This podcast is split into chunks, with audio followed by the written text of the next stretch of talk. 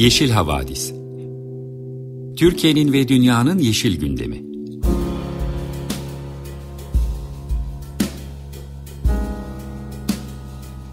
Hazırlayan ve sunanlar Demet Yaman Er, Savaş Çömlek, Dilan Altın Makas, Sare Abit ve Tansu Yeşilkır.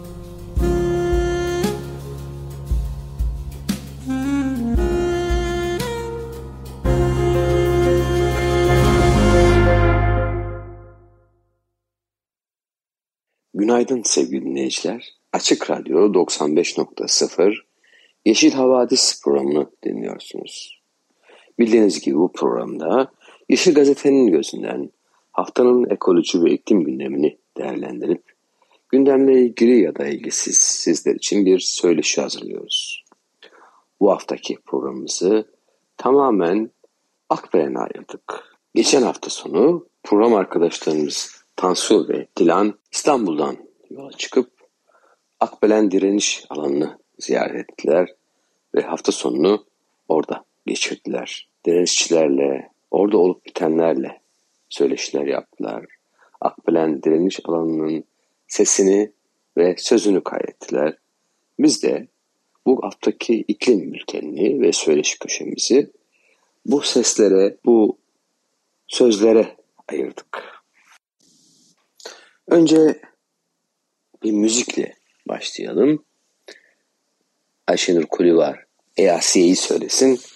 Ardından da Tansu arkadaşımızın anlattıklarını dinleyelim, kaydettiklerini duyalım. Tansu'dan sonra da Dilan arkadaşımız kayıtlarını sizinle paylaşacak.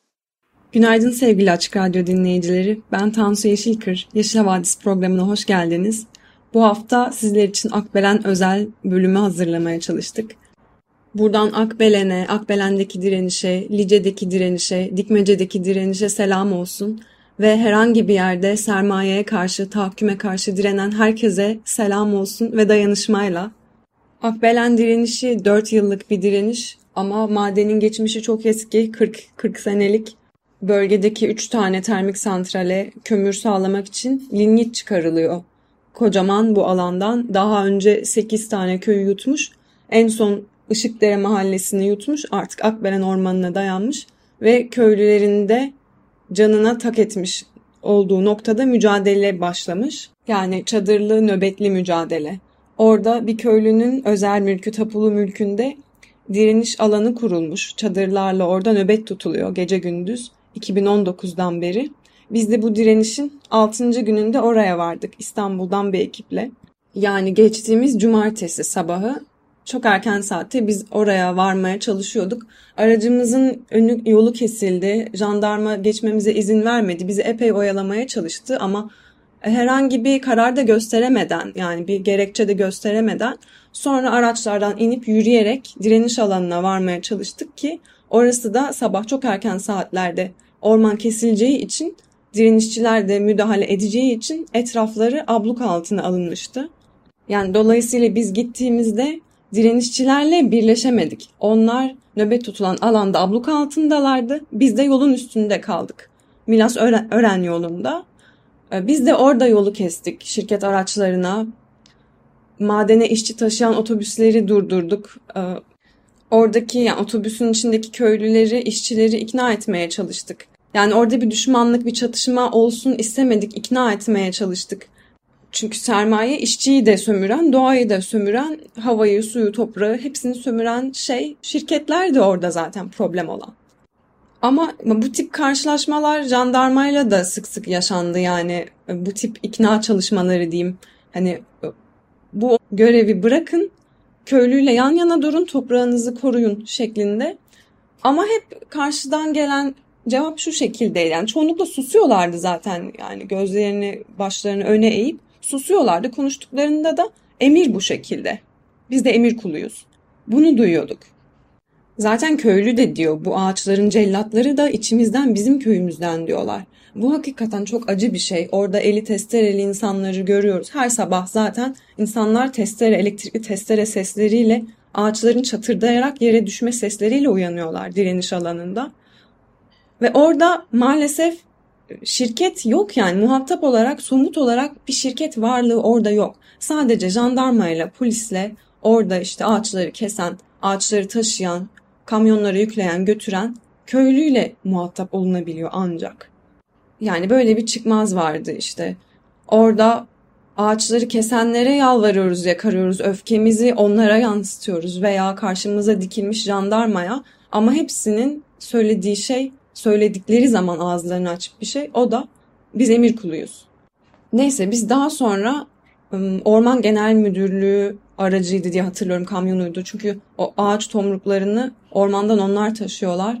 Böyle bir aracın önünü kestik, yolu tamamen kapattık iki taraftan da geçişe ve yola oturduk. Yani belki 15-20 belki daha fazla insan yola oturarak yolu kapattık. Ondan sonra o medyaya da çokça yansıyan e, sert, şiddetli müdahaleler başladı. Polis ve jandarma birlikteliğinde. Yaptıkları da iki tane ayrı yerden tomalarla üstümüze su sıkıp, tazikli su sıkıp, köpüklü ve tazikli. Sonra ama epeyce sıkıp ondan sonra etrafımızı abluka altına alıp bir de üstümüze o ablukanın içerisine o havasız yere biber gazı sıkıp yakından ellerindeki fıs fıs spreylerle biber gazı sıkıp sonra da gözaltı yapıyorlardı ve bunu defalarca tekrarladılar. Ve onca insan alına alına en son kaldı birkaç kişi. Ben de onların arasındaydım ve artık sırılsıklam olmuştuk. Biber gazından yanımdaki kadınların gözleri gözlerini açamaz haldelerdi ve zaten astımı olan, nefes problemi olan çıkmıştı oradan. Titreyerek bazıları çok titredikleri için etraftaki diğer arkadaşları tarafından, basın tarafından ikna edilerek bazıları oradan çekildi. Ve en son kalanlar için de gözaltı için polis geldi, onları tuttu ve şey dediler. Yolu açın, kenara çekilin, arkadaşlarınızı bırakacağız. Yani bana bunu benim kulaklarım bunları duydu ve biz inan yarı inanır bir şekilde yolun kenarına geçtik. Ee, ve defalarca söyledik, bağırdık. Arkadaşlarımızı da bırakacaksınız ama bunu söylediniz diye. Sonra dönüp gittiler. Yalan söylediler. Yani o e, tazikli sular, gazlar ve bu yalandan sonra hakikaten şeyi görüyorsunuz yani bunu koruyor. Bu dediğim şey şirketlerin karı ve bunun uğruna vatandaşını gözden çıkarmış bir de karşı karşıyayız. Zaten orada köylüye de yıllardır zulmedilmiş. Ve biliyoruz ki bu ülkemizin enerji ihtiyacından bizlerin evlerindeki elektrikleri yansın diye falan olan bir şey değil. Sermayenin, büyük şirketlerin sömürü çarkları dönsün diye zaten Türkiye'de eşitsizliğin, toplumsal, ekonomik eşitsizliğin ve daha birçok eşitsizliğin çok derin olarak yaşandığı bir ülke. Çok az sayıda insan çok zengin ve halkın çoğunluğu yoksulluk içinde. Ayrıca iklim krizi var ve Türkiye'nin verdiği sözler var. O yüzden bu enerji güvenliği, yerli milli enerji masallarını yutmuyoruz. Ve bu pazar saat 14'te Akbelen'de direniş meydanında buluşup sesimizi duyuruyoruz. Ayrıca salı günü de meclis bunun için özel olarak olağanüstü toplanacak. Salı günü de Ankara'da meclisin önünde Akbelen için sesimizi yükseltiyoruz. Ben bir de size Ali Bilge'nin Artı Gerçek'te yayınlanan Akbelen'in Ekonomi Politiği isimli yazısını okumak istiyorum. Daha sonra da alandan kaydettiğim bazı ses kayıtları vardı. Onları dinleriz sonra müziğimizi dinleyip Yeşil Havadis'e devam ederiz. Akbelen'in Ekonomi Politiği Kıyılan ormanları ve kıyılan tabiatın nedenini AKP iktidarı ve liderinin kendine bağlı sermayedar yaratma öyküsünün önemli bir parçası olarak görmek, olan biteni böyle özetlemek mümkün. Akbelen'in ekonomi politiği böyle. Birinci perde. Paris İklim Anlaşması ve Türkiye'nin yükümlülükleri. Akbelen'de yaşananları, Türkiye'nin yaşadığı ekonomik kriz, döviz darboğazı, 21 yıllık AKP döneminin kendi zenginini yaratma stratejisiyle kurulan havuz sistemiyle bağlantılandırarak anlatmaya çalışacağım. Elbette gezegenimizi yaşanmaz kılan iklim krizi ve küresel ısıtmayla ilişkilendirerek. Hep söz ediyoruz. Paris İklim Anlaşması'nda ülkeler için 2053 yılında karbon net sıfır hedefleri belirlenmişti. Türkiye de çok iddialı bir hedef koydu. 2053 yılı itibarıyla 80 milyon ton karbondioksit eş değeri sera gazı salacağını beyan etti. Ciddi bir hedef çünkü 2020 TÜİK verilerine göre Türkiye'nin yıllık sera gazı emisyon seviyesi 523.9 milyon ton karbondioksit eş değeri. Türkiye'nin 2053 net sıfır hedefi çok abartılıydı, gerçekçi değildi. Türkiye'de karbon emisyonlarının içinde en büyük pay enerjiden geliyor. Enerji içinde de termik santraller, bilhassa lignite dayalı termik santrallerden kaynaklanan emisyonun mutlaka kaldırılması gerekiyor. Türkiye'de 1970'li 80'li yıllarda yapılan ömrü tükenmiş çok sayıda termik santral bulunuyor. Bu santrallerin hiçbiri çevreyi koruyan, iklim sorunlarını gözeten bir şekilde yapılmadı. Dolayısıyla 2053 hedeflerine ulaşmak için öncelikle yapılması gereken bu termik santrallerin devreden çıkarılması, kapatılmasıydı. İkinci perde, zombi santrallere devam kararı. İhaleyi alın, gerisine karışmayın. Ömrü tükenmiş ve zehir saçan lignite dayalı termik santrallerin faaliyetlerini sonlandırmak gerekirken, santraller 2013-15 yıllarında AKP hükümetlerince yapılan özelleştirmelerle özel sektöre devredildi. Akbelen ormanları yakınında bulunan Yeniköy ve Kemerköy termik santralleri de Limak Holding'e devredildi. Tüm bu santraller şirketlere devredilirken bazı şartlar da belirlendi. Şartlardan en önemlisi çevreye uyum sağlanmasına yönelik kirliliği önleyici yatırımları yapmalarıydı. Ancak bir türlü bu işler gerçekleşmedi. 2019 yılında yükümlülüklerini yerine getirilmedikleri için bu devirler iptal edildi. Daha sonra kamuoyuna açıklanmayan bir şekilde yeniden firmaların faaliyetine izin verildi. Şirketler faaliyetlerine devam etmeye başladılar. Ömrünü tüketmiş Yeniköy, Kemerköy ve Yatağan gibi santralleri alan firmalar, enerji alanında tecrübesi olan firmalar da değildi. İktidarın inşaat firmalarıydı. Üstelik bu inşaat firmaları ihaleleri almak için yüksek bedeller ortaya koydular, rakiplerini bu şekilde elediler. Bu işten anlayan uzmanlar ve şirketler o dönemde buna dikkat çektiler. İktidar firmalara siz ihaleyi alın gerisine karışmayın. Sonraki süreçler gerektiği şekilde döşenecektir merak etmeyin dedi. Üçüncü perde zombilerin borçlanması. Şirketler devredilen santrallerin bedellerini ödemek için içten ve dıştan döviz kredisi sağlamaya başladılar. Döviz olarak alınan krediler ağırlıklı olarak kamu bankalarından sağlandı. Bütün bu firmaların durumunu anlamak için o zamanki döviz kuru değeriyle bugünkü döviz kuru değerini karşılaştırmak yeterlidir. Kur farkları bu firmaların borçluluk düzeyi hakkında fikir verecektir. Fikir vermesi için söyleyeyim. Son bir ay içinde döviz kurundaki artışlar nedeniyle Türkiye'nin kamu borç stoku 882 milyar TL arttı. Enerji alanında faaliyete giren iktidara yakın olan, olmayan firmaların döviz cinsinden kamu ve özel bankalara olan döviz yükümlülükleri, borçları yıllar içinde sorun olmaya, devasa büyümeye başladı. Banka bilançolarında bu borçların üstünün örtüldüğü, gizlendiği, yüzdürüldüğü, Demirören Holding'de olduğu gibi çok ciddi zararlar olduğu gündeme getirildi. Dördüncü perde, zombiler kömür bulamıyor. Ömrünü tamamlayan santralleri alan firmalar bir süre sonra kömür sorunuyla karşılaştılar. Santrallerin etrafında bulunan lignit sahaları tükenmişti. Derindeki kömür kaynaklarına ulaşmak çok ciddi yatırımlar gerektiriyordu. Santrallerin ihtiyacı olan milyonlarca ton kömüre ulaşabilmek teknik olarak çok zor ve yüksek maliyetli olduğu için açık sistemle kömür, kömür çıkarılamadığı için etrafta ne varsa onlara gözlerini diktiler. Akbelen'in altına tünel kazarak kömür çıkarmak çok maliyetli olacağından ormanı yok ederek toprağı kazarak kömüre ulaşmak tercih edildi. Limak'ın sahip olduğu santrallere en yakın kömür Akbelen'in altında var.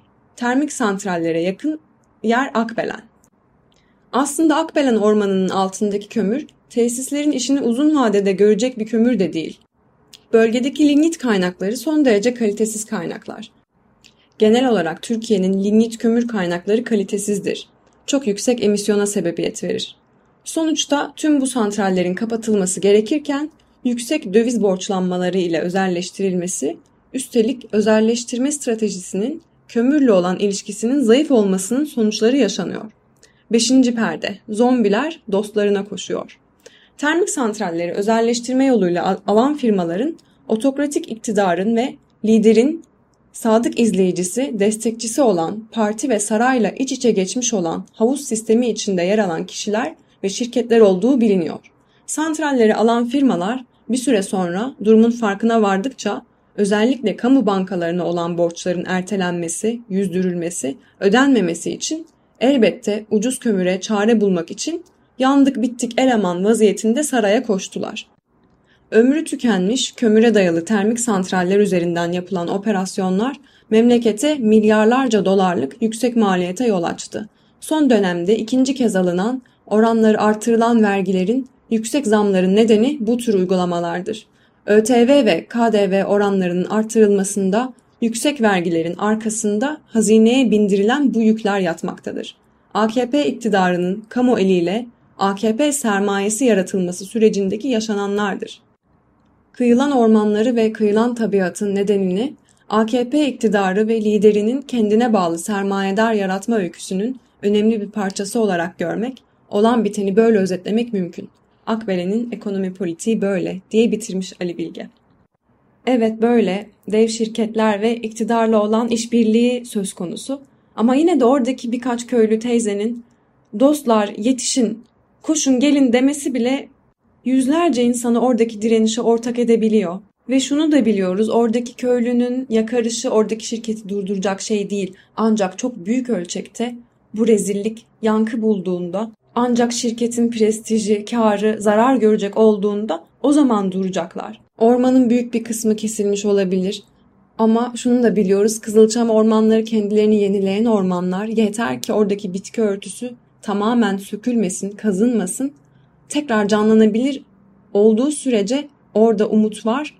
Oradaki maden çukurunu açtırmamak en önemli hedef. Çünkü orayı da açarlarsa devam edecekler. Etraftaki zeytinliklere, tarlalara, diğer köylere, mahallelere devam edecekler. Çünkü orada daha lignit var. Ve bunu önleyecek olan tabandan gelen hareketin büyütülmesi. Bu yüzden tekrar etmek istiyorum. Pazar günü öğleden sonra saat 2'de Akbelen direniş alanında buluşalım.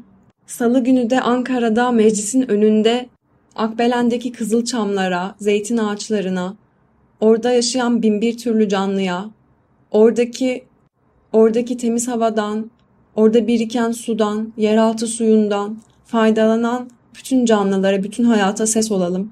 Şimdi direniş alanından kaydettiğim ses kayıtlarını dinleyeceğiz. Orada bir köylünün konuşmasından sonra cırcır böceklerinin sesini duyacaksınız. O aslında hemen peşine gelmiyor. Ben sadece ayrı ayrı kaydedemedim. Cırcır böceklerini ben ormanda kaydettim. Orada sanki hepsi de aynı çağrıyı yapıyorlardı. Arkadaşlar siz emir alıyorsunuz eyvallah ama mücadelede biraz daha vicdanlı olun.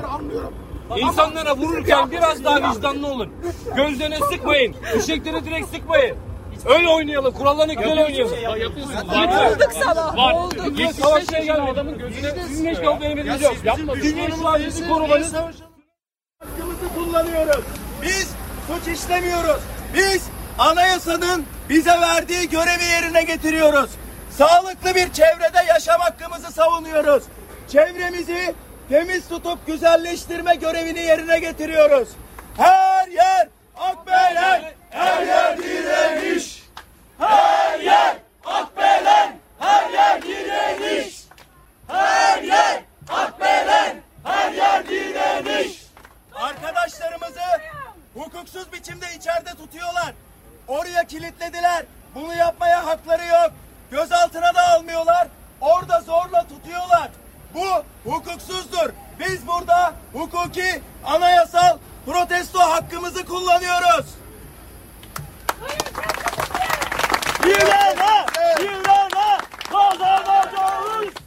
Direne, direne kazanacağız. Direne, direne kazanacağız. Her yer suyuma, toprağıma dokunma. Havama, suyuma, toprağıma dokunma. Suyuma, toprağıma dokunma. Sen anlat teyze, sen anlat. Duyun sesimizi Türkiye. Bizim sesimizi duyun. Bizim sesimizi duyun. Biz yerleri satmadan bizi işgal ettiler, yok ettiler. Karayoluna sildiler bizi karayoluna. Duyun bizi. Biz yerlerimizi satın Bizi bu hale soktular. Nilke yerlerimiz altında. Ev yapsınlar bize. Yer göstersinler maydamız zaman. Biz nereye gideceğiz? Hani bizim gidecek yerimiz? Biz bu Türkiye vatandaşıyız. Biz bu Türkiye'de bu yerde yaşıyoruz. Duyun sesimizi. Biz mahvolduk. Mav. Herkese merhaba. Hepinize çok güzel bir pazar diliyorum. Ben Dilan Altın Makas. Yeşil Vadisi'nin bu bölümünde sizin de fark edeceğiniz üzere önceliği, önceliğimiz daha çok Akbelen Ormanı ve orada yaşananlar oldu. Yeşil Havadis ekibi olarak biz de oradaydık birkaç gün ee, ve birazdan söyleşi kısmımızda duyacağınız tüm sesler Akbelen Ormanı'ndaki desteğe gittiğimiz sırada kaydedilmiş sesler. Oradaki köylülerle, yaşam savunucularıyla görüşme imkanımız oldu. Zaman zaman da orada forum esnasında söylenmiş sözleri kaydettik. Arkada Akbelen Ormanı'ndaki cırcır böceklerinin sesini duyabilirsiniz. Direnişin sesini duyabilirsiniz. Cidden bu konuda söylenebilecek çok söz var. Ee, orada geçirdiğim kısa zaman içerisinde gözlemlediğim, deneyimlediğim ve size aktarmak istediğim çok şey de var aslında. Ama şimdilik sözü biraz da oranın yerli halkına e, en başından beri bu direnişin bir parçası olmuş insanlara bırakmak istiyorum. Ee, onların da en çok istediği şeyin Akbelen Ormanı'nın sesinin duyurulması olduğunu biliyorum. Bu vesileyle oraya gidip onların sesini kaydetmek ve bunu sizlerle paylaşmak bizim için çok kıymetli. Biz Yeşil Havadis ekibi olarak fırsat buldukça Akbelen Ormanı'na desteğe gitmeye, orada yaşananları gözlemlemeye, takip etmeye ve oradaki insanların sesini duyurmaya devam edeceğiz. E, lafı çok uzatmadan ikiz köylülere, yaşam savunucularına bırakmak istiyorum sözü. E, birazdan dinleyeceğiniz sesler ikiz köylü Necla Işık ve kızı Esra Işık, yaşam savunucusu Halime Şaman ve buradaki direnişin avukatlığını yapanlardan biri olan İsmail Hakkı Atal'a ait. Şimdiden iyi dinlemeler diyorum. Arkadaşlar e, herkese teşekkür ediyorum geldiğiniz ve destek verdiğimiz için. Aslında ee, biz avukatların yaptığı iş ekstrem bir şey değil. Çünkü avukatlık kanununda bize yüklenen görev bu. İnsan haklarını savunmak, korumak, kollamak barolara ve avukatlara yüklenmiş bir görev. Biz sadece görevimizi yerine getiriyoruz. Bunu yapmayanlar görevini yerine getirmiyorlar. Ee, böyle bir e, tespitle başlamak istiyorum öncelikle. Ee, diğer taraftan yani burada bugünkü atmosfer aslında tarihi bir atmosfer. Neden tarihi bir atmosfer? Bugün Türkiye'de çevre ekoloji mücadelesi veren, hak savunuculuğu verenlerin nasıl direngen, inatçı, kararlı ve iradeli olduğunu gösteriyor. İşte burada bu ormanın kesildiğini görmemize rağmen halen umudumuzu kaybetmiyoruz ve burayı maden ocağına vermeyeceğiz ve 3 yıl sonra 5 yıl sonra buranın tekrar tekrar orman olmasını sağlayacağız diyoruz. Halka değil çetelere barikat. Halka değil çetelere barikat. Halka değil çetelere barikat bir ağaç gibi tek ve hür, bir orman gibi kardeşçesine buraya gelen bütün aktivistlere, bütün hak savunucularına tekrar teşekkür ediyorum. Akbelen ormanını vermeyeceğiz, madene vermeyeceğiz. Üzerinde tek bir ağaç kalsa dahi burayı savunacağız. Tek bir ağaç kalsa dahi. Bu ikinci husus İkizköy bu mücadeleyi kaybetmedi. Bu mücadeleyi İkizköy 2022 Aralık'ta kazandı. Nasıl kazandı? İkizköylüler ve Deştimliler şirketine özel adrese teslim bir yasa çıkartılmak istendi. Türkiye'de sadece burayı değil, madencilerin karşısına çıkan yüz binlerce hektar zeytinliği yok edecek bir yasanın geri çekilmesini sağladık. İkiz köylüler ve beş. Bu tarihi bir şeydir. Türkiye Cumhuriyeti tarihinde ilk defa olmuştur. Türkiye Cumhuriyeti tarihinde ilk defa bir köylü hareketi önder olmuştur. Biz onların yanında hukuki haklarını koruyan ekolojistler ve aktivistler ve hukukçular olarak sadece onlara destek olup onların arkasından yürüyerek Türkiye Büyük Millet Meclisi'ne gittik ve orada milletvekillerinin desteğiyle meclise ziyaret yasağını kırarak içeriye girdik. Komisyon toplantısına katıldık ve 2022 Aralık'ta sadece burayı değil yüz binlerce hektar o zeytinliği şirketler için yok ettirecek olan bir yasal düzenlemeyi geri çekti. Bu buradaki köylü hareketinin başarısıdır arkadaşlar. İkizköy kaybetmedi. İkizköy ve 5000 2022 Aralık'ta kazandı. Ve biraz önce Esra'nın söylediği gibi aslında kendileri için müdahale tarihi olarak seçilebilecek en kötü zamanı seçtiler. En kötü zamanı. Muğla'nın nüfusunun en fazla olduğu bir zaman diliminde insanların en fazla buraya akabileceği, geceleri çok rahat bir şekilde ağaçların altında üzerinde hiçbir şey olmadan yatabileceği, yüzlerin, binlerin buraya akabileceği bir zaman dilimine geldiler. Niye? Çünkü köylü hareketi büyüyordu. İkinci yıl dönümünü biz sadece ikiz köylüler olarak değil, Çam köylüler ve Karacahisarlılarla birlikte kutladık burada. Çam köylüler ve Karacahisarlılar traktörlerle geldiler. Olayın ikinci boyutu bu. Üçüncü olarak hukuki boyutuna geçeyim biraz. Türkiye'de olmayan hukuk boyutunu anlatmaya çalışayım. Aslında burayla ilgili hukuksuzluk 1996 yılından bu yana devam ediyor. 1996 yılında Aydın İdare Mahkemesi bu üç termik santralinin Yatağan, Yeniköy ve Kemerköy termik santralinin Muğla Şeytani termik üçgeninin kapatılmasına karar veriyor. O zamanki Necmettin Erbakan, Tansu Çiller hükümeti Türkiye Cumhuriyeti tarihinde ilk defa bir ilke imza atıyorlar ve bu dünyada belki hesap vermediler ama öbür dünyada hesap veremeyecekleri bir şekilde bir mahkeme kararının uygulanmaması yönünde Bakanlar Kurulu kararı çıkarttılar. Ve o Bakanlar Kurulu kararından sonra bizim benden önce benim meslektaşım üstadım benle beraber buranın avukatlığını üstlenen Arif Ali Canga'nın da içinde bulunduğu bir avukat grubu Avrupa İnsan Hakları Mahkemesi'ne başvuruyor ve Avrupa İnsan Hakları Mahkemesi 2006 yılında Okyay ve diğerleri davasında Türkiye için hak ihlali kararı veriyor.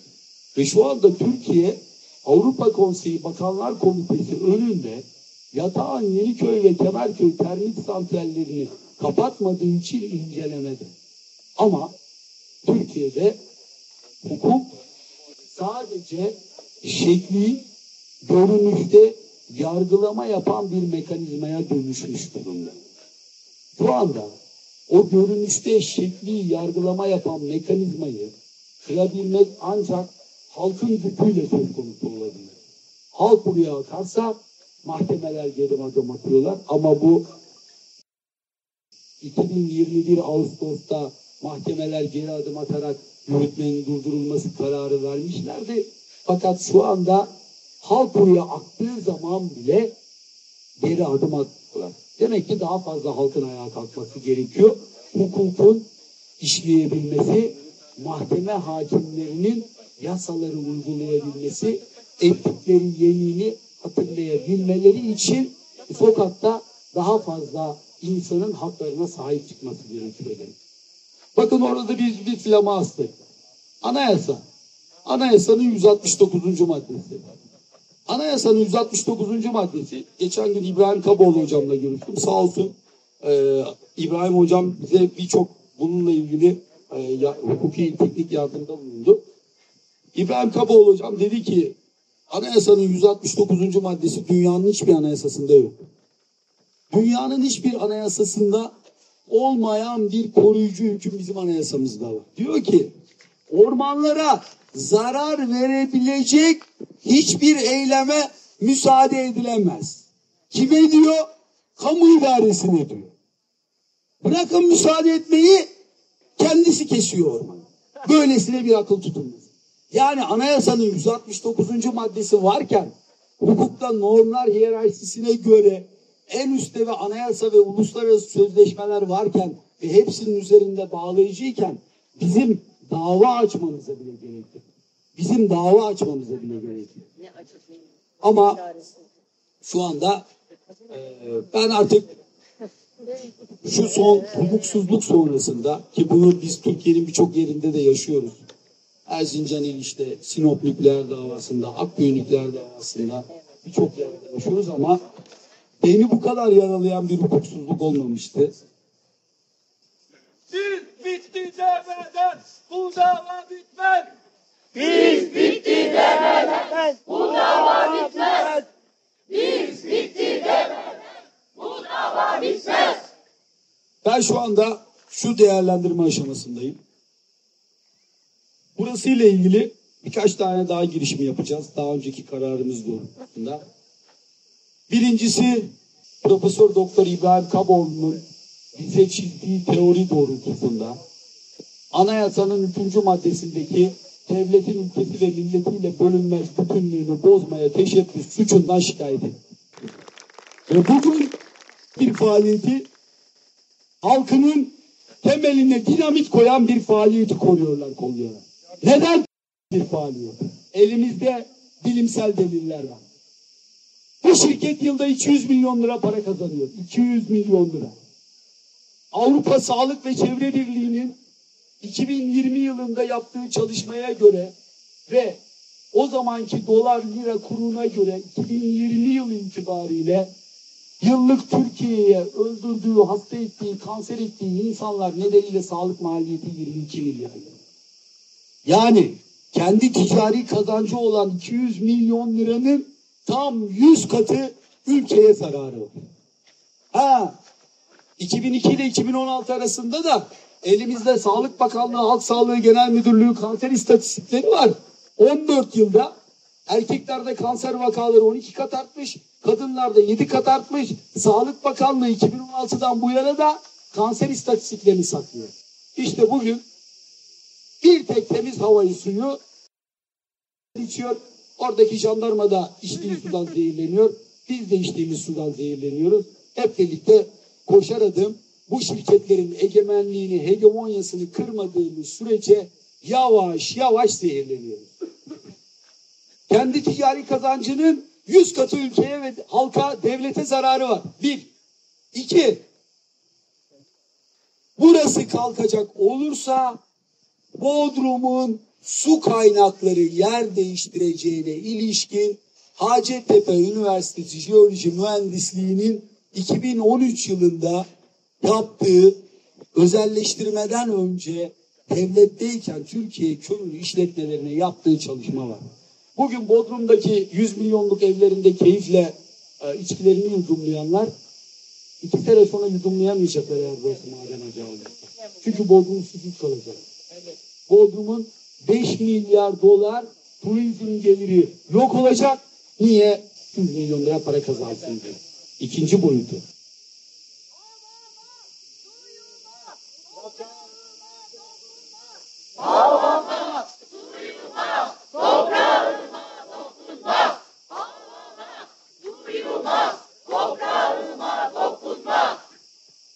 Üçüncü boyut. Burayı niye bu kadar kafaya taktılar geçmek istiyorlar? Çünkü arkasında 200 bin dönüm ruhsat sahası var. Milas'a kadar tamamını yok etmek istiyor. Tamamını. 30 bin kişi, bin kişiye iş veriyor. 30 bin kişinin yaşam alanını tarımla, ziraatle, zeytinle ge- geçinen 30 bin kişinin yaşam alanını yok etmek istiyor. İçinde 88 bin dönüm tarım arazisi var. Ne zaman?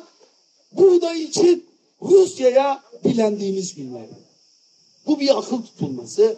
Onun için ülkeye yılda 22 milyar lira sağlık maliyeti, yılda 5 milyar dolar turizm gelirini yok edecek olması ve buğday için Rusya'ya dilendiğimiz günlerde 88 bin dönüm tarım arazisini yok edecek olması nedeniyle anayasanın 3. maddesindeki devletin ülkesi ve milletiyle bölünmez bütünlüğünü bozmaya teşebbüs niteliğinde bir faaliyetidir bu.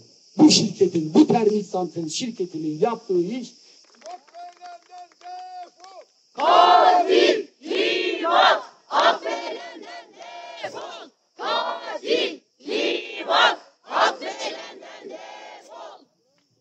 bu hukuk nezdindeki son yapacağımız işlerle kapatmak istiyorum. Ee, bir de uluslararası hukuk nezdinde yapacağımız bir iş var.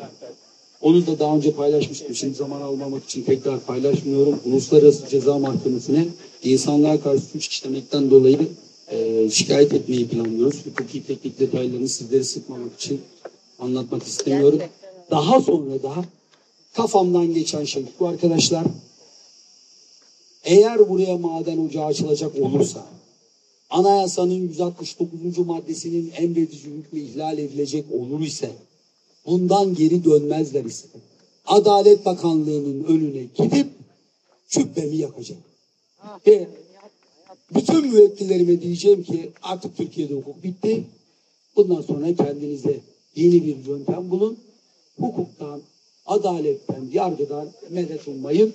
Böyle bir tiyatroya artık ben bundan sonra ortak olamam demeyi planlıyorum. Bunu da burada deklare ediyorum. O nedenle şu anda evlerindeki rahat yataklarından kalkmayanlara, e, konforlarından vazgeçmeyenlere de şunu söylüyorum. Bütün dünya sadece Türkiye değil, bütün dünya küresel iklim krizi ve doğal afetler çağına girdi. Artık bu varoluş mücadelesi arkadaşlar, bir varoluş mücadelesi, varlık yokluk mücadelesi ve Dünya Meteoroloji Örgütü Başkanı Petterin Sağlas 2019 yılında açılış konuşmasında şunu söyledi. İklim değişikliğini tamamıyla anlayabilen ilk nesiliz ve dünyayı kurtarabilecek son nesil. Ve bizlerin yaş kuşağında ya dünyayı kurtaracağız ya da uygarlık çökecek. Dolayısıyla bu bir varoluş mücadelesi. Biz gezegeni ve insan uygarlığını sürdürebilmek için bu kapitalist maden ve termik santral şirketlerine karşı kapitalizme karşı mücadelede başarılı olmak zorundayız. Tekrar devletçi politikalarına dönmek zorundayız. Atatürk Cumhuriyeti'nin kamucu, devletçi, yarı devletçi ekonomik politikalarına dönülmesi gerekmektedir. Bu bir mecburiyettir. Kamuda olduğu zaman, devlette olduğu zaman kamu, devlet halka zarar verip vermediğini bakar, ona göre karar verir. Ama bu şirketler sadece kendi paralarının kazanıp kazanmadıklarına bakıyorlar. Başka bir şeye bakmıyorlar. O nedenle de bir an önce ama bir an önce kamu hizmeti niteliğindeki elektrik enerjisi ve maden enerjisi, maden tekrar Cumhuriyet'in kuruluş ayarlarına dönülerek kamulaştırılmalı, devletleştirilmelidir. Teşekkür ediyorum. Ee, Ben Halime Şaman, Marmaris Kent Konseyi, Konseyi Ekolojiden Sorumlu Yürütme Kurulu üyesiyim. Aynı zamanda da MUÇEP gönüllüsüyüm.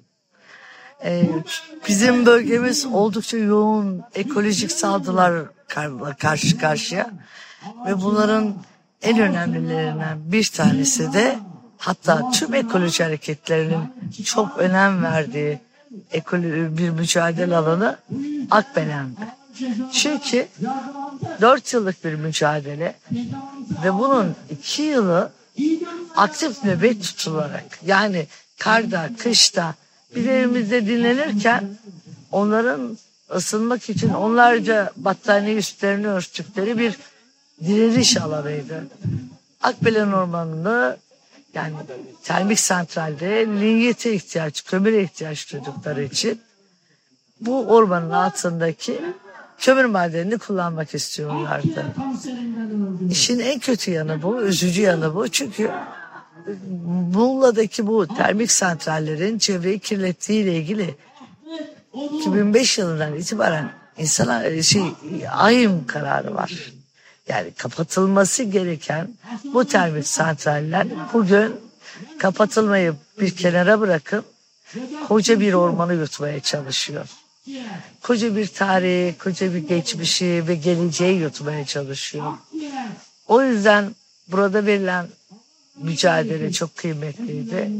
Ee, ve ne yazık ki işte e, bir anda haber geldi kesin başladığına dair.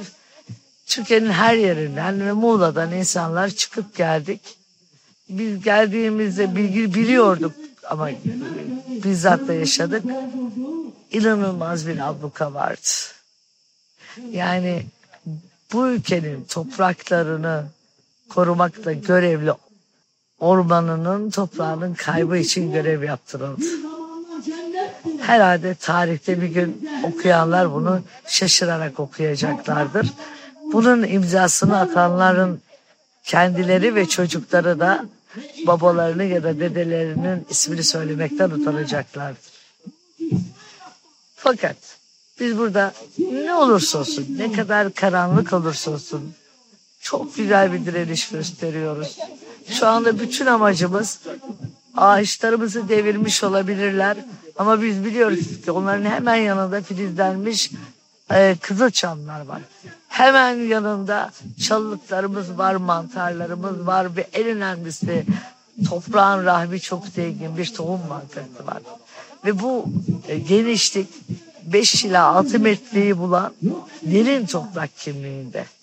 İşte mücadelemiz tam buraya evrildi. Çünkü bizim kurumumuz ya hani bir başkasının değil bizim kurumumuz maaşlarını ödediğimiz o iki kuruş asgari ücretimizde ödediğimiz müdürlüğü bu termik santrallerin taşeronu gibi çalışıyor. Ee, o bölümü söylemeyeyim çünkü hukuki şeyler de olur. Başka bir sıfat kullanacaktım ama kendimi tuttum. Ee, tıraşlanmış şekilde yani yerde ot bile bırakmayacak şekilde termik santralleri teslim etmeyi hedefliyor.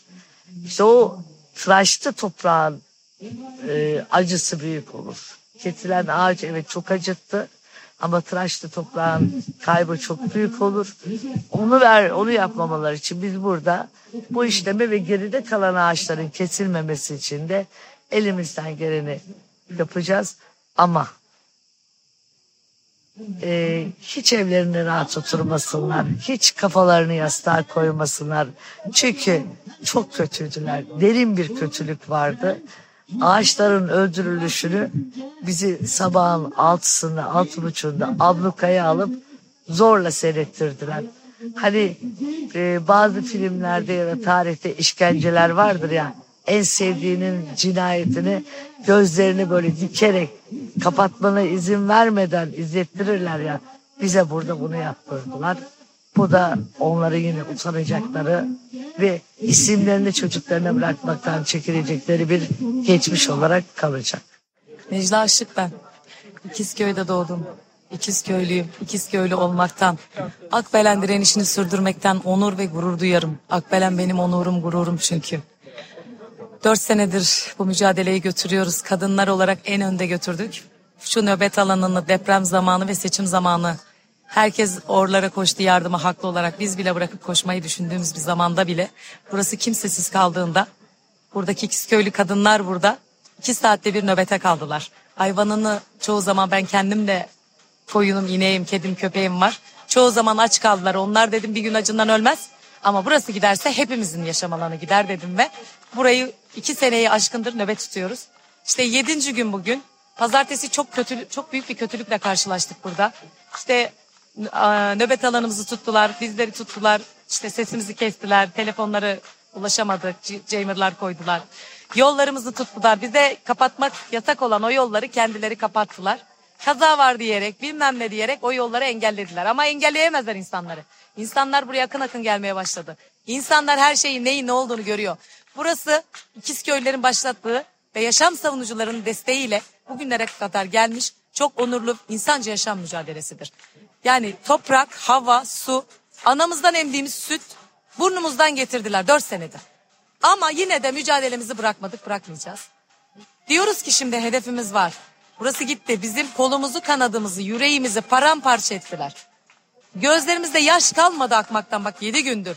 Bizim gözyaşlarımız da olacak bu fidanlar. Eğer katletmezlerse o bebekler, o bebek fidanlar bizim gözyaşlarımız onlara can suyu oldu, can suyu olacak. Buraya fidan dikeceğiz. Burayı tekrar eski haline getireceğiz. Madene dönüştürmeyeceğiz. Hepimizin görevi, hepimizin bu vatana borcu var. Bu vatanda yaşayan herkesin aşağıda altta yatan şehitlere bir borcu var. Şimdi bu borcu ödeme zamanı. İki yaşındaki danayı götüren o Çanakkale Ulupınar'da şimdi borcumuz var. Burada Akbelen'de ödeyeceğiz. Yarın Kaz Dağları'nda ödeyeceğiz. Ertesi gün İliç'te ödeyeceğiz. Cerrahtepe'de ödeyeceğiz. Bunlar ama burada bugün başlayacak. Arkası gelecek. Arkası gelecek. Çok teşekkür ediyorum. Çok sağ ol. Bu mücadelenin içinde büyüdüm diyebilirim. Kendimi burada buldum diyebilirim. E, Ben lafı çok uzatmak istemiyorum. Hepiniz çok yoruldunuz. Hava çok sıcak. Ya ben bu mücadeleye nasıl başladık bilmeyenler için, duymayanlar için bir baş, öyle başlamak istiyorum. Onu anlatmak istiyorum. Bu mücadele 4 sene önce köylülerin bu köyün bir mahallesini kaybetmesiyle başladı. Kömür madenini e, kaybetmesiyle başladı aslında. Köyümüz bizim dört mahalleli bir köy. E, Akbelen Mahallesi var ormanın içinde. Ovamız var, Ova Mahallesi. İleride Karadağ Mahallemiz. Bir de bu Akbelen'in arkasında bir Işıkdere Mahallemiz vardı. Kömür madeni yaklaşık 8-9 köyü yuttuktan sonra bizim köyümüze kadar geldi. Işıkdere Mahallemize. O zaman maalesef insanlar o zamana kadar hiç hayır demeyi bilmedikleri için, kendi haklarını bilemedikleri için, öğrenmedikleri için e, sesleri çok çabuk bastırıldı. Ses çıkaramayacaklarını düşündüler. Kömür madeni geldi dedi ki biz istimlak ediyoruz topraklarınızı veriyorsanız verin al, alacağız dediler. Şirketti özel bir şirketteydi devlet elinde de değildi kamulaştırma da yapamazdı aslında. Bir şekilde insanları kandırarak topraklarını aldılar. İnsanlar yer, yerinden yurdunun olduğu topraklarına edildi. Maalesef şehre göç etmek zorunda kaldı. Yaşlı başlı insanlar. Ardından sıra bize geldi. Yani diğer mahallelere. Dediler ki şimdi sizde sıra. Önce ormanınızı alacağız ondan sonra sizin topraklarınızı. Biz de dedik ki artık hayır. Ya bizim canımız yanıyor. Biz artık bu acıya dayanamıyoruz. Bizim köklerimizi kazımaya çalışıyorsunuz. Biz buraya aitiz. Biz burada var olabiliyoruz. Burada var olmaya devam etmek istiyoruz dedik ve köylüler birbirlerine sarılarak bu mücadeleyi başlattılar. Önce toprak mücadelesi olarak başladı. Ardından şirket ormana girmek isteyince varımızı, yoğumuzu, bütün zamanımızı, bütün maddi gücümüzü, bütün her şeyimizi biz buraya adadık, buraya verdik. Köylü 7-24 2 senedir burada çadırlı nöbet başladı. Ona da geleceğim. Burada çadırlı nöbet nasıl başladı? Şirket bu ormanı Orman Bakanlığı'ndan satın aldı. Yani o kendisi satın almak demiyor. Daha süslü laflar kullanıyor ama biz buna satın almak diyoruz. Parasını yatırdı. Ardından burayı bana tahsis et dedi ve buraya 4 senedir ya çok uzun zamandır sürekli kesim için giriliyor. Ee, maalesef 17 Temmuz 2021'de kesim için gelip 30 ağacımız katledilmişti Akbelen'in içinde. O gün o kesimi durdurduk, yeri püskürttük ve bugün burada gördüğünüz bu alanı oluşturduk. Çadırlarımızı kurduk. 7-24 tam 2 senedir 2 seneyi de aştı. Biz burada bu çadırlarda nöbetteyiz. Bu orman da bizim sayemizde yaşıyordu aslında 2 senedir. Yoksa bu orman 2 sene önce yok edilecekti. Ee, iki senedir bu köylülerin ve bu köylülere destek olan yaşam savunucularının, insanların, dostlarımızın sayesinde bu mücadele buraya kadar geldi. Kolay olmadı. Yeri geldi sularımız kesildi. Köylünün çeşmesinden suyu akmadı. Hayvanını sulayamadı. Evini temizleyemedi. Yeri geldi şirket madende patlattığı dinamitleri bilerek, isteyerek daha şiddetli patlattı evlerimizde çatlaklar oluştu. İnsanlar e, burada e, aslında deprem olduğunda dinamit zannederek evlerinden bile çıkmadılar. Ya öyle büyük yıkımlar yaşadık. Evlerimiz çatlak. Yeri geldi sularımız kesildi. En sonunda Akbelen Ormanı'nda görüyorsunuz ki nice tehditler sonrasında gerildi büyük bir müdahaleyle birlikte. Nasıl oldu peki bu? Biz iki sene önce de bir jandarma müdahalesine maruz kaldık. 17 Temmuz'da çadırlarımızı kurduktan sonra şirket korktu çünkü büyük bir kamuoyu baskısı oluştu. İnsanlar İkizköy'ün sesini duydu. İnsanlar bu köylülerin sesini duydu. İnsanlar bu ağaçların seslerini duydu. Bize desteğe gelmeye başladılar. Ardından şirket nasıl ki bu köylü büyümeye başladı, nasıl ki bu mücadele büyümeye başladı, ardından baskısını arttırdı. Yangınlar zamanında iki sene önce buraya yangına yardıma gelenlerin insan, insanların ellerine testereyle tutuşturarak Ormanın içinde kesime başladı. 105 ağacımızı da o zaman katletti. Karşılarına dikildik. Geri püskürttük. Durumu anlattık. Anladık ki aslında o insanlar yangına yardım için gelmişler. Bilmiyorlar ne yaptıklarını. Ardından biz o kesimi durdurduktan sonra ertesi gece gece yarısı yine jandarmanın sert müdahalesiyle yine köylü köydeki teyzelerimiz, amcalarımız, dayılarımız, dostlarımız yerlerde sürüklenerek şu aşağı yola kadar atıldık. Yılmadık. Dedik ki siz bizi buraya alsanız da biz terk etmiyoruz. Ardından bizi buraya almayacaklarını söylediler. Dedik biz vazgeçmeyiz, pes etmeyiz. Çadırlarımızı şu aşağıda gördüğünüz şu an güneş alan o tarlanın oraya taşıdık. Aşağıda o apaçık tarla, bir tek ağacın bile olmadığı tarla. Sıcakta, soğukta, kar kış demeden bir süre orada tuttuk. Ardından burası açıldıktan sonra, buraya iznimiz olduktan sonra, çünkü burası şahsa ait bir arazi, tapulu bir arazi. Aslında hukuki bir dayanağı da yok burada çıkarmaktan. Ama bir şekilde kendi gücünü kullanarak burada köylüyü bir şekilde bastırmaya çalışıyor. Köylünü yıldırmaya çalışıyor ama biz buna müsaade etmedik, izin vermedik. Bugüne nasıl geldik? Biz bu baskılarla geldik. Bu baskıları yılmayarak geldik. Ya hala daha görüyorsunuz arkada neler olduğunu, bize neler yaşattıklarını görüyorsunuz. Biz bir haftadır yedi gün oldu. Gözlerimizin önünde bu ağaçları kestiler. Neler neler yaşadık. Yine yılgınlığa düşmedik. Düşmeyeceğiz. Lütfen buraya geldiniz bu manzarayı gördünüz. Ama siz de düşmeyin. Çünkü istedikleri şey bu. Ümitsizliğe düşelim istiyorlar. Umutsuz olalım, mücadele etmeyelim, direnmeyelim istiyorlar. İstedikleri gibi bizim üzerimizde baskı kurabileceklerine inanmamızı istiyorlar. Ama inanmayalım, ne olursunuz inanmayalım. Biz vermeyeceğiz. Akbelen ormanını vermeyeceğiz. Akbelen ormanını vermeyeceğiz. Biraz nefes almam için, kendimi toplamam için iyi geldi. Teşekkür ederim. Çünkü e, bizim için gerçekten çok zor. Sizler evlerinizden çıkıp buraya kadar geldiniz. Sağ olun, var olun. Ama biz bu topraklarda yaşıyoruz. Biz bu ormanlarla büyüdük. Bu ormanlarla var olduk, bu topraklarla. Siz bu mücadele yani bir şekilde evlerinize geri döneceksiniz. Elbette buranın acısını içinizde taşıyacaksınız ama bunun bizim için acısını tahmin edersiniz. Biz burada bu yakımla baş başa kalacağız. Biz burada bu ölüm e, arkadaki ölüm çukuruyla, buradaki madenle baş başa kalacağız bu yıkık ağaçlarla. Hiç önemli değil. Bize karşı yapılan her türlü baskı, e, zulme karşı boyun eğmeyeceğiz. Biz köylüler olarak, ikiz köylüler olarak başından beri söylediğimiz gibi biz her şeyi göze alarak başladık bu mücadeleye. Her şeyi göze aldık. Kazanmayı da, kaybetmeyi de, baskıyı da, zulmü de. Biz köylüler olarak ikiz köylüler adına konuşuyorum burada bana bu yetkiyi verdikleri için genç arkadaşlar, kardeşleri olarak. E, açıklıkla söylüyorum. Şimdiye kadar 7 gündür, 7 günden önce de biz yine darp edildik fark etmez ama 7 gündür burada gözaltılar devam ediyor. 7 gündür 70, 80, 90 yaşındaki teyzelerimin, dedelerimin, amcalarımın, teyz, e, ninelerimin yüzlerine biber gazı atılmaya, joplanmaya, sürüklenmeye devam ediyorlar. Biz ne yaparlarsa yapsınlar, bu insanlar bunu yapsalar da Bakın görüyorsunuz içimizde yaşlı insanlar var. Bu insanlar 7 gündür bu muameleye maruz kalıyorlar. Defalarca kez biber gazı yediler. Defalarca kez darp edildiler ama vazgeçmediler. Hala buraya geliyorlar. Hala nöbete geliyorlar. Biz burada nöbeti bırakmıyoruz. Mücadeleyi bırakmıyoruz. İstedikleri şeyi o şirkete vermiyoruz. İstedikleri kadar karşımıza bütün güçlerin bütün güçlerini toplayarak gelsinler. Bütün gücünü üzerimizde kullansınlar fark etmez. Bizi askerle karşı karşıya getiriyorlar. Biz hedef şaşırtmaya çalışıyorlar. Karşımızda bir şirket var. Şirket var. Biz bunun farkındayız. Her ne kadar ki önümüze başkalarını koysalar da, askerleri koysalar da, hedef şaşırtmaya çalışsalar da bizim derdimiz madenle, bizim derdimiz topraklarımıza çökmeye çalışan, bizleri yutmaya çalışan, köylüyü mahvetmeye çalışan bu sistemle, bu şirketle. Bu şirket kendine her türlü şeyi hak görüyor topraklarımıza çökmeyi, köylüyü yerinden yurdundan etmeyi, kendi cebini doldurmak için bizim hayatlarımızı mahvetmeyi kendine hak görüyor. Ama biz buna izin vermeyeceğiz. İkiz köylüler olarak artık büyüyoruz. Yanımızda Karacahisarlılar, Çam köylüler de var. Zaten bu müdahalenin bu kadar büyük olmasının sebebi buydu. Baktılar gördüler ki köylüler büyüyor. Köylüler birbirlerine sarılıyorlar. Köylüler bilinçleniyor.